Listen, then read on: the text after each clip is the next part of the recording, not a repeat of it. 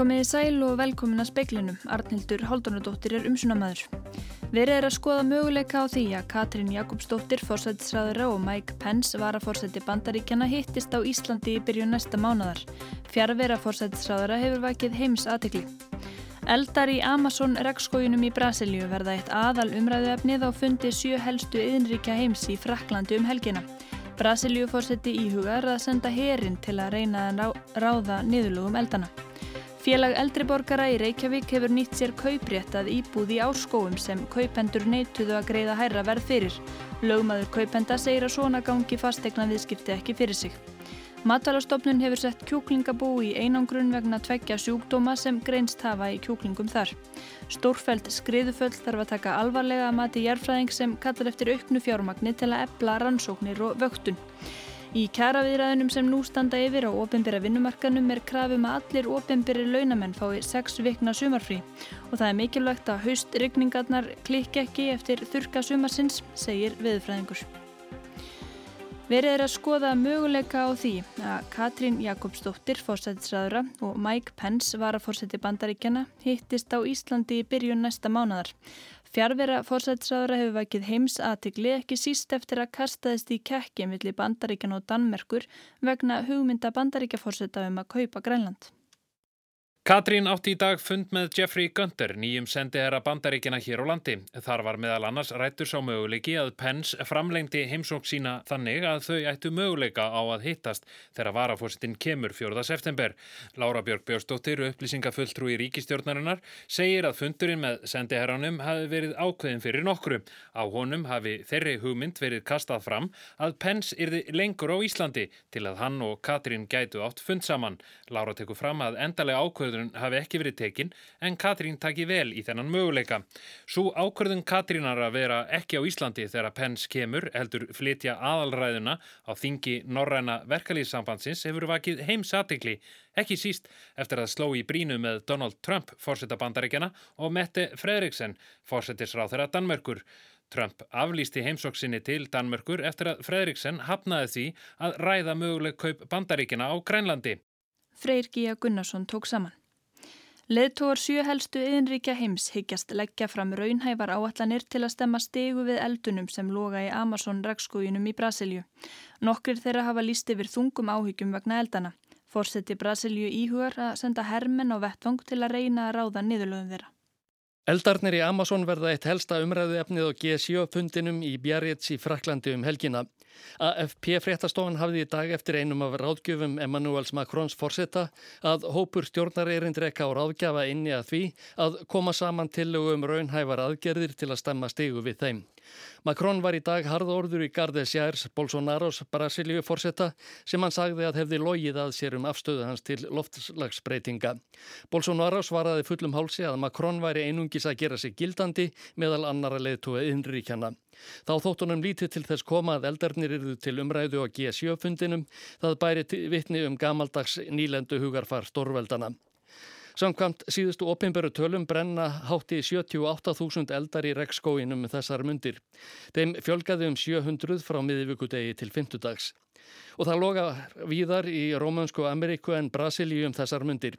Í Bólivíu tóku stjórnvöld Boeing 747-400 breið þóttu á leigu í dag til að slökkva elda sem hafa sviðið hátt í 800.000 hektara akra og skólendis í austurhluta landsins síðustu vikur.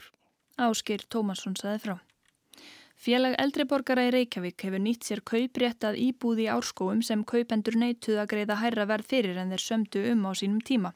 Lómaður félagsins ætlar að fara þess á leit við dómara við hérastóm Reykjavíkur að máli fólksins gegn FEB verði vísað frá dómi.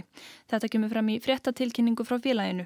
Þar segir að félagið hafi nýtt sér kauprétt í samningi og greitt fólkinu kaupverðið með verðbótum. Í fréttatilkynningunni segir að félagið sé með einliða skilirðis lausan kauprétt í þrjú ár og hafi neðst til að nýta sér hann við þessar aðstæður. Kaupendur íbúðarinnar eigi hann ekki lengur og geti því ekki háð dómsmál vegna hennar. Sigrún Yngibjörg Gísladóttir, lögmaður kaupendana, segir að svona gangi fastegna viðskipta ekki fyrir sig. Hún segir að kaupendur hafni kaupréttinum og sömulegis hafi þau hafnað því að taka á móti greiðslunni. Málið haldi því áfram fyrir dómstólum. Matvælastofnun hefur sett kjúklingabú í einangrun vegna tveggja sjúkdóma sem greinst hafa í kjúklingum þar, gúmbóróveiki og innliksa livrarbólgu. Sjúdómatnir finnast aðeins í fugglum og smitast ekki í mannfólk eða önnur spendýr. Fólk getur ekki smitast við neyslu á kjúklingakjöti að því er segir í tilkynningu frá matvælastofnun.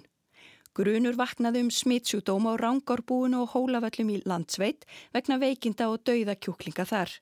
Matvælastofnun setti búið í einangrun til að útrýma sjúdóminum áður en þeir ná fótfestu hér á landi. Einning var sett fluttningsspann á búið og allir sem tengjasti, sem og alifuglabændur, voru látnir vita um málið. Veiku kjúklingunum er slátrað undir eftirliti matvælastofnunar og húsnæðið er þrýfið og sóttrinsað. Smiti verið spundi við þetta eina bú og ekki er grunur um frekari útbreyslu. Ekki er vita hvernig sjúdómatnir bárust á búið. Sjúdómatnir eru veirusjúdómar og eru báðar veirutnar lífsegar, ónamar fyrir ákveðnum sóttrinsefnum og geta lifað lengi í umkörfinu. Dagni Hulda Erlendstóttir segði frá. Staða landsbítala er alvarleg og morgun ljósta þar þarf að þrengja verulega að í rekstri til að ná þeim markmiðum sem ríkisvaldi hefur sett, segir Pál Mattiasson, forstjóri, í Pistli á VF Spítalans. Fyrir sumar var, var greint frá því að fækka þurfi framkomtastjórum við Spítalan verulega. Pál segir að það sé engum gleði efni að halda enn af stað í slíkar aðhaldsaðgerðir en hjá því verði ekki komist. Austurluti reynisfjöru verður áfram lokaður. Sveit Brynjólfsson, sérfræðingur á ofanflóðavakt Veðurstofi Íslands, segir bergið í reynisfjalli mjög óstöðugt. Sprungur sjáist í klettinum vestan við sárið sem skriðan og þrýðudag skildi eftir sig. Rekstraraðilar veitingastæðarinn svörtu fjörunar, hluti landeganda og sveitarstjóri Mýrdalsreps funduði í dag með fulltrúum lauruglunar á Suðurlandi, Veðurstofunar og vegagerðarinnar. Þar var ákveðið að svæðið er þið áfram lokað og vaktað og þessu tengt stórfæld skriðuföll á undanförnum árum við Hítardal, Öskju og Reynisfjöru eru afleðing af breytingum í veðurfari að mati Þorstins Sæmundssonar jarfræðings. Hann kallar eftir auknu fétt til að vakta skriður sérstaklega í ljósi stórfældra skriðufalla í Reynisfjöru. Hann segir mikilvægt að greina hvar hættan er. Það eru gríðarlega miklu stórir efnismassa sem eru á hreyfingu og eru að finna og þetta er ágefni sem við þurfum að taka svolítið alvarlega. Við þurfum að, að stórefla rannsóknir og þá í kjálfari vöktun á hlýðum og sér í lagi þar sem mikið er að fólki sem sapna saman eins og til dæmis í reynirspurunni mm -hmm. og, og þar vorum við mjög heppin. En þetta eh, tel ég að vera, ætti að vera núna svolítið forgansmál. Við erum að sjá mikla breytingar í veðufari og, og, og í kjálfar þess mikla landbreytingar. Ég held að við þurfum að bæði að fá fyrir inn í háskólan og einnig inn á veðustofu til þess að, að fylgjast með þessu. Við einhvern veginn höfum verið sofandi á síðustu áratugum gagvar þessu. Saði Þorstein Sæmundsson. Miðborg Reykjavíkur verður lokað fyrir almennri bílaumferð á menningarnótt frá klukkan 7 á laugardags morgun til klukkan 1 eftir miðnætti. Líkt og endra næri búist við að fjöldi fólksverði í miðborginni. Lokaða svæðið afmarkast af Snorrabraut, Gömlu Ringbraut, Ægisgötu og Mýrargötu. Þá verður Sæbraut lokuð frá Snorrabraut. Fólk er hvað til að ganga í bæin, hjóla eða nýta sér fríjar ferðir með strætó. Þeim sem kom á bíl er bent á bílastæði við Laugardalsföll og í Borgartúni. Þaðan verða sérstakar ferðir á vegum strætó að Hallgrímskirkju. Farþegar ferðarþjónustu fallara eru beðnir að bóka ferðir með góðum fyrirvara. Vagnar ferðarþjónustunar stoppa á fjórum stöðum við sjávarútvestræðuneti við skólagötu, ennett ringbraut við Hallgrímskirkju og Tjarnargötu 8. Leigubílar verða fjórum stöðum í útjæðri hátíðarsvæðisins við Hallgrímskirkju, skólagötu, BSI og bílastæði við Landakotskirkju. Eftir klukkan nýju færast leigubílar við skólagötu að BSI.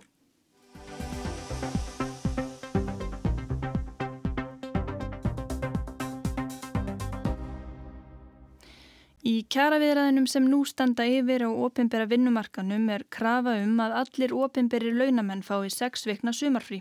Krafan tengist lögum um jafna meðferð á vinnumarkaði sem tóku gildi um áramótin. Ljóst er að ef þetta gengur eftir hefur það í för með sér talsverðan kostnað bæði fyrir sveitarfjölu og ríkið. Lögum jafna meðferð á vinnumarkaði tóku gildum síðustu áramótu. Lögin eiga rætu sínar að rekja til tilskipunar ESB frá árnu 2000 um almenna reglur um jafna meðferð á vinnumarkaðim og í atvinnlífi. Í greinargerð með frumvarpinu kemur fram að markmiðið þess sé að vinna gegn mísmunum og koma á og viðhalda jafnri meðferð einstakling á vinnumarkaði óháð kynþætti, þjóðverðnisuppruna, trú, lífskoðun, föllun, skertri starfsketum, aldrei kynneigði, kynvitundi, kynengjönum eða kyntjáningum. Þetta þýðir í raun að öllum mismunun er bönnuð á vinnumarkaði. Mismunun vegna aldurs er eitt af því sem nú tengist kjarasamningum ofinbæra starfsmanna. Í lögunum var ákveðið ákveðum bann við mismunun vegna aldurs tæk ekki gildi fyrir 1. júli á þessu ári. Það var gert til að nægur tími gæfist til að fari verið aldurstengt ákveði í lögunum og kjarasamningum og gera breytingar ef þess væri þörf. Ofinberu stjættafjölugum bæði hjá sveitarfjölugum og ríkinu telja núverandi fyrirkomulag á orlofi standist ekki þessi lög. Það mismunu augljóslega launamannu vegna aldurs. Lögin ger ekki aðtóðasemdir við starfsaldurs tengdi réttindi, heldur aðeins réttindi sem tengjast lífaldri. Lengt orlofs hjá ofinbjörnum starfsmönnum miðast við aldur en ekki starfsaldur. Fram að 30 ára aldri eiga þeir rétt á 24 dögum í orlof á ári. Frá 30 árum að 38 ára aldri fjölgar dögunum í 27 og þeir sem eru eldri en 38 ára er að kosta á 30 daga orlofi eða 6 vikum fram að starfslokum. Þetta er ekki starfsaldustengdi réttindi. Starfsmæður sem hefur störf hjá hennu ofinbera 38 ára á strax réttu á 30 daga orlofi. Á almennamarkaðunum er orlofi starfsaldustengt. Réttindin er í þrepum. Eftir 10 ára starf hjá sama fyrirtæki öðlast launamenn rétt á 30 daga orlofi. Ef þeir skiptum vinnustad fækkar orlastöðunum í 25 og þeir þurfa á nýja leik að vinna í tiltengin tíma til að fá 30 daga. Samningarnemdir stjættarfélagana hjá Ríki og Bæ hafa lagt fram eða kynnt á kröfu til að fullnæja lögunum um jafna meðferð eigi allir ofnbæristarsmenn að fá 30 daga orlof, annað sé mismunun.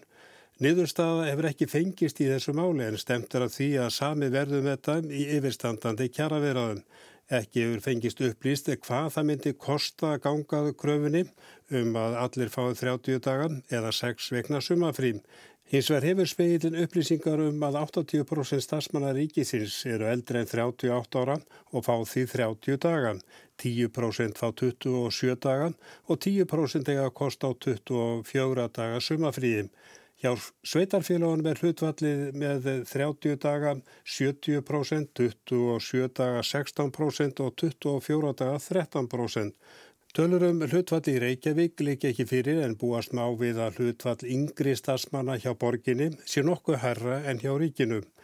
Í kjaraverðanum verður reyndar farið yfir kjarasamninga í heildi til að gangu skuggum hvort þeir stangist á við lögin um jafna meðferð á vinnumarkaði. Þegar hefur verið ákveð að unglingar frá 16 ára aldri fái sömu laun og þeir sem eru orðnir 18 ára.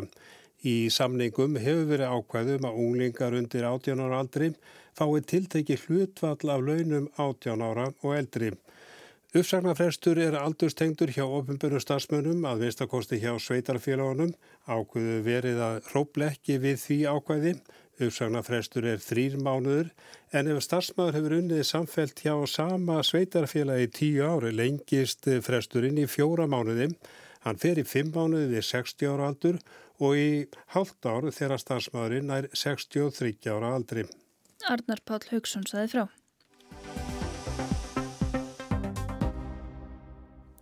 Slökkviliðsmenn hafa þurft að skjótast með vatn til bænda svo þeir geti brynt kúnum. Lagsveiðimenn hafa skriðið með stangirnar að bakkanum til að styggja ekki lags í sögulega vasslittlum ám. Sveitarfjölug hafa mælst til þess að íbúar spari vatn og sumstaðar hafa vassból tæmst. Sandfók af hálendinu hefur spilt skigni á Suðurlandi. Ríkislauruglustjóri lísti yfir óvissust í almannavarna vegna hættu og gróðureldum og neistar frá flugeldum kveiktu í skraufþurum gróðri á blómstrandi dögum í hveragerði.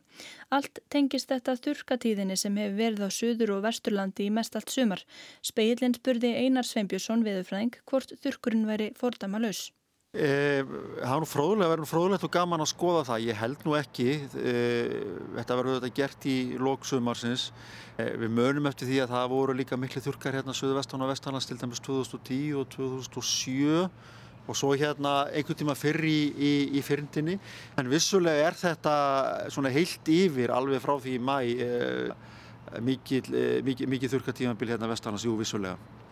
Það voru þarna einhverjar fimm vikur og það ekki frá miðjum mæ og bara næstum út júni það sem kom ekki degur drópi úr lofti. Var það ekki þannig nokkuð víða bara? Jú, það var allavega í stikisólumi það sem er búið að mæla mjög lengi. Það var eh, lengsta samfélta, eh, lengsti samfélti þurrkur þar í, í sögu mælinga. En hann er kannski ekki eini mæli kvarðin en hann er samt ákveðin vísbending um uh, þessa þurrka sem hafa verið hérna vestanlands og Við getum auðvitað sko reynd að horfa til þess hvað er það sem veldur þessu. Það er auðvitað, hvað við að segja, afbreyðilegu gangur viðukerfana hérna við Norður-Allansafið og það eru til ímsir vísar sem mæla slíkt. Eitt þeirra sem er okkur nærtækur er svo kallega Norður-Allasafsvísir. Í sinni einföldustu mynda þá mælir hann styrk vestanáttarinnar á hafsvæðinu á milli Íslands og Asureyja og uh, þegar hann er jákvæður þá er mikil vestanátt og, og fyrir því fylgir þá úrkoma um sunnan og vestanverðlandið en hann er búin að vera í neikvæðum fasa getur við sagt alveg frá því í mæbyrjun flesta daga sömarsins örfáum undantekningum. Og uh, við það hefur verið ríkjandi hér vindur á milli austurs og, og norðurs hæði yfir Grænlandi og uh, allt umhverfið verið mjög þurrt Hins vegar þetta, verður þetta til þess að, að það rignir dálitið á, á norðusturlandi og sérstaklega hefur reynd mikið staðbundið frá norðanverðum östfjörðum og, og yfir á langanis, strönd langanis og sléttum. Hvað skýrir þetta, þessi afbreyðileg heit, eins og þú segir? Sko, það er, sko, þarna kemur við með erfiða spurningu, sko, vegna þess að þessu verður alls ekki auðsvara því að þetta getur uh, verið tilvílun að fá svona langt tímabil og ég hef séð skrifu um það að allavega frá 1950 þá hafi ekki komið svona langt tímabil með samfældri neikvæðri neikvæðan vísi, Norðurallandsvísi en e, það er auðvitað freistanda álökta sem svo að þetta standi eitthvað í tengslum við breytta loftringur á eh, norðurkvælsins að sömarlegi sem að menn hafa verið að sjá á síðustu árum og tengist á, tengist á lofslagslínunni en það verður bísna fróðulegt að sjá hvað uh, um þetta verður fjalla á næstu mánuðum. Þetta hefur náttúrulega haft í förmið sér tölvert rask þá talaðum það bara þarna í júni þá voru bændur, margir, ornir, áhyggjufullir þurft að slá jafnvel skrælnuð tún bara svona til að bjarga því sem að bjarga varð en batnaði þetta eitthvað eftir þessum áleið? Það hefur náttúrulega ekki verið mikið um rykningar hérna í höfuborginni. Nei, það voru að máilega segja að þessi, þessi þurkur hann haf ekki verið samfeldur, heldur hafið þetta verið tvö tímabilið eða tvö skeið, fyrst sko snemma í vor, en þá nutum en þess að það var mjög góður jarðvegsraki eftir rigningar, mikla rigningar í april og þeir, voru, þeir bændur sem voru hefnir eða fyrirhugjusamir, þeir náðu en ágættis hegjum til að byrja með, en svo þotnaði, þú guði allt vatn upp og jarðvegurinn hann hann þóttnaði. Síðan voru dálta rigningar sérstaklega framann af júli á Vesturlandi og uh, til dæmis úrkomunni Reykjavík er ekkert langt frá meðalæginu. Síðan frá því sent í júli og meira á minna það sem aðverð ágúst og þá hefur verið mjög þurrt og í Reykjavík er, er samanlega úrkomi ágúst, hún er innan við 5 mm, er eitthvað um 5 mm og ef ekki stefnir sjáum við í spánum í rigningar núna um og eftir helgina, frá sunnudegi áfram, að þá telti sér þetta mjög afbríðilegt. Það var einn bóndi sem að lísti því þannig viðtali að veðri væri bara allt öðruvísi, hagað sér allt öðruvísi en áður og núna þegar þurrkarskeiðinu leiki, þetta var í lóki júni sem hann saði þetta, þá tækjur bara við mánaðar regningatímabill.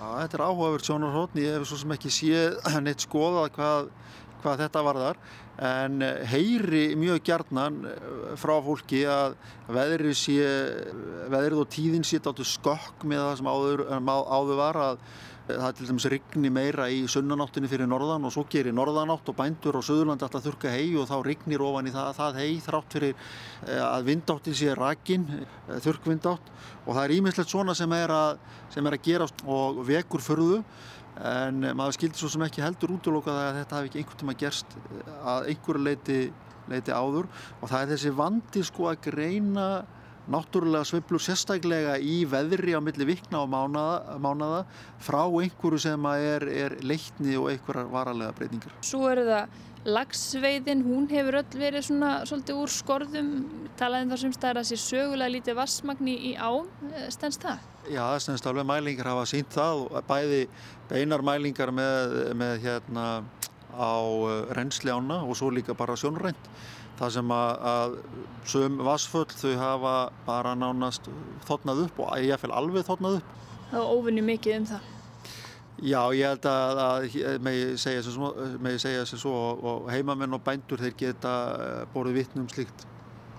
Svo er það bara neysluvatnið? Já, sko neysluvatnið eru þetta meira uh, sko, grunnvatn, ekki yfirborsvatn og uh, grunnvatstaðan að hún tekur mið af langvarandi breytingum.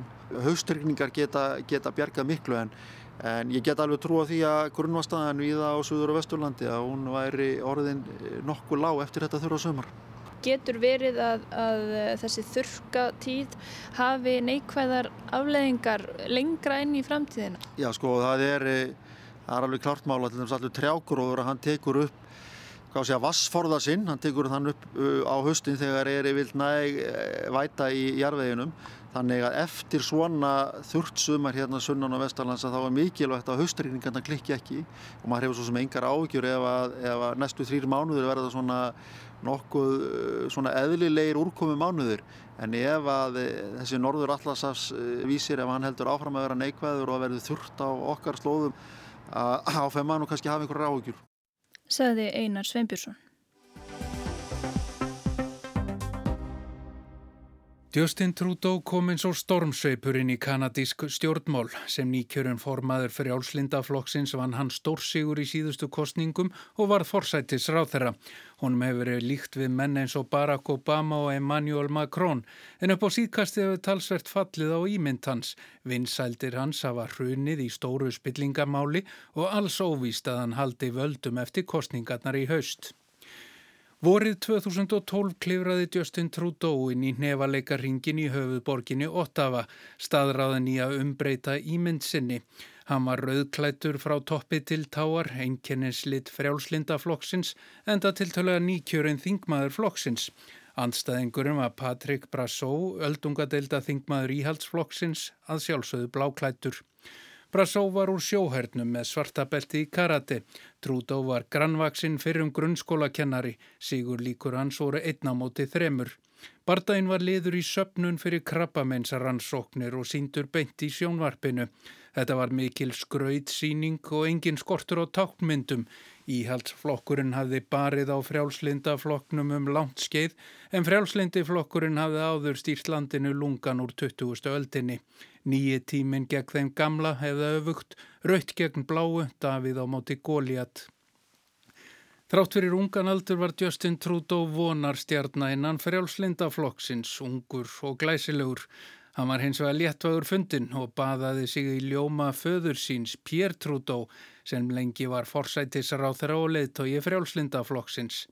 Barbara Streisand fyrir um ástkona pappans lísti honum sem blöndu af Marlon Brando og Napoleon. Strákurinn var hins vegar kallaði Paris Hilton kanadískra stjórnmála. Bardaginn var stóra tækifæri til að breyta ímynd Justin Trudeau. Aldrei að vannmeta mátt táknmynda í nútíma stjórnmálum, sagðan sjálfur við tökuliðið á staðnum. Þetta var það mörguleiti eins og the Jungle þegar Muhammed Ali sigraði tröllið George Foreman.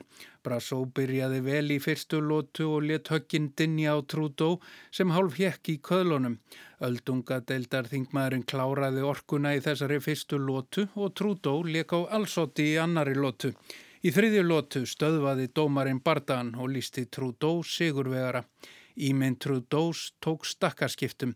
Hann var ekki lengur léttviktar maður í stjórnmálum. Hann var orðin þungaviktar á einni nóttu.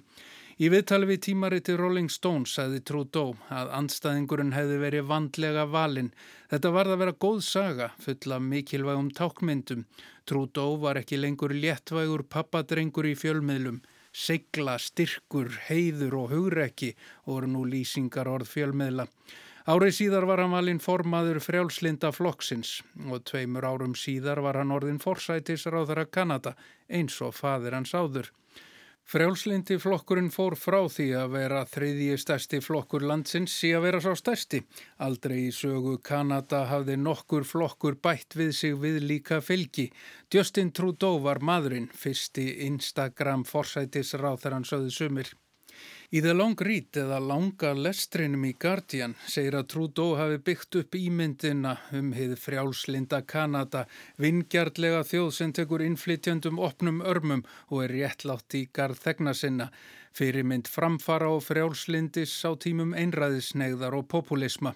Trump var öðrum megin landamærarna, Trudeau hinnum megin. Trudeau þjónaði þegnunum sem dáðu og dýrkuðu sinn mann. En það hefur fallið á silriði í setni tíð, engum í tengslum við spillingarmál risavaksins verktakafyrirtækis. Síðan hefn Þingsins úrskurðað á dögunum að Trúdó hafi farið á svig við síðarreglur og lög þegar hann reyndi að koma í vekk fyrir að fyrirtækið yrðu lögsótt fyrir mútur, engum til hátsettra embættismanna í stjórn Gaddafis í Líbíu á árunum 2001 til 2011. Leindarhyggjan og samtryggingin eru þvert á það opna frjálslinda samfélag sem hann bóðaði. Vinsaldir Justin Trudeau hafa hrunnið, mældust 65% árið 2016 en nú aðeins 32%.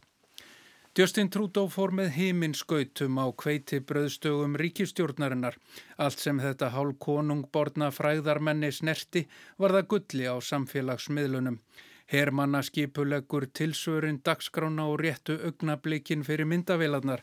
Konur voru jafnmarkar körlum í ríkistjórn, ríkistjórnarskipti sem alltaf hafa verið formleg og leiðinleg, urðu að vel hannaðri atburðarás í beitni útsendingu. Justin Trudeau og kona hans voru í forsýðu viðtölum hjá New York Times, Vogue og Rolling Stones. Trúdó var meðal jafningja á fundum leðtóa heims. Hann knúsaði pöndur, tók fagnanda á móti sírlenskum flottamönnum og hefði nefaleika fyrir framann myndavilarnar. Donald Trump var þektur fyrir sérkennileg og leikræna tilburði þegar hann heilsaði þjóðarleðtóa með handabandi. Trúdó og menn hans æfðu sig stíft fyrir væntanlegt handaband, þétt með góðu gripi um aukslina. Það þótti takast vel og myndir af handabandinu fóru víða. Þegar fjölmilar fóru hamförum vegna ópíóða faraldurs fór Trúdó út að skokka og var myndaður í bak og fyrir með gladlegum hópi ungra nefenda á leið á lokaball. Oft hefur ímyndar hönnunin þóttganga of langt. Í opimberi heimsók til Indlands á síðasta ári þótti meira fara fyrir honum í þjóðbúningum og léttvægum myndrænum tilþrifum en raunverulegum viðræðum við helstur ráðamenn stærsta líðræðisríkisu veraldar umbúðir á kostnað innihald segja gaggrinendur hans. Spillingamál verktaka fyrirtækisins hafa þó farið verst með Trudeau. Síðan nefnd Þingsinn segir að hann hafi reynt að þvinga dómsmálar á þeirra til að koma í vekk fyrir ákjæru af óta við að stórfyrirtækið flitti höfuðstöðvar sínar og þar með mörg þúsund störf.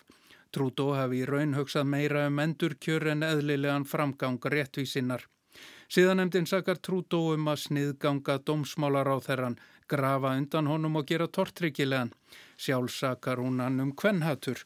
Utanríkisráð þeirra hans til 14 mánada fekk aldrei engafönd með trút og þrátt fyrir ítrekkaðar óskir. Hann er sakaður um miðstýringu og klíkustjórnun. Það er ljóst að Trúdó er í Olgusjó og vinsældir hans hafa aldrei mælst minni. Það kemur í ljós í kostningunum í oktober hvort ímyndans hefur laskast tímabundið eða varanlega. Pálmi Jónasson tók saman. Það var meðal efnis í speklinum í kvöld að verið er að skoða möguleika á því að Katrín Jakobsdóttir, fórsætsræðara og Mike Pence, varafórsætti bandaríkjana, hittist á Íslandi í byrju næsta mánadar. Fjárvera fórsætsræðara hefur vakið heims aðtegli. Eldar í Amazon-rekskóinum í Brasilju verða eitt aðal umræðuefnið og fundi sjö helstu yðinríkja heims í Fraklandi um helgina. Brasilju fórseti íhugar að senda herin til að reyna að ráða niðurlugum eldana. Félag eldriborgara í Reykjavík hefur nýtt sér kaupréttað íbúð í árskóum sem kaupendur neituða að greiða hærra verð fyrir. Lögmaður kaupenda segir að svona gangi fastegna viðskipti ekki fyrir sig og í kjaraviðræðinum sem nú standa yfir og ofinbera vinnumarkanum er krafum að allir ofinberi launamenn fái sex veikna sumarfrí. Veðurhorfur á landinu til miðnettis annað kvöld, fremur hæg, suðaustlæg átt, skúrir um sunnan og vestanvert landið en annars úrkomu lítið. Norðan og norðvestan 5-10 á morgun en vestanátt allra vestast, rigning með köplum um norðanvert landið, skíjaða mestu vestan til en bjartviðri suðaustanlands. Hiti 10-18 stig líjast á suðausturlandi. Það er ekki fleiri í speklinum í kvöld, tæknimaður var Martit Martinsson, verið sæl og góða helgi.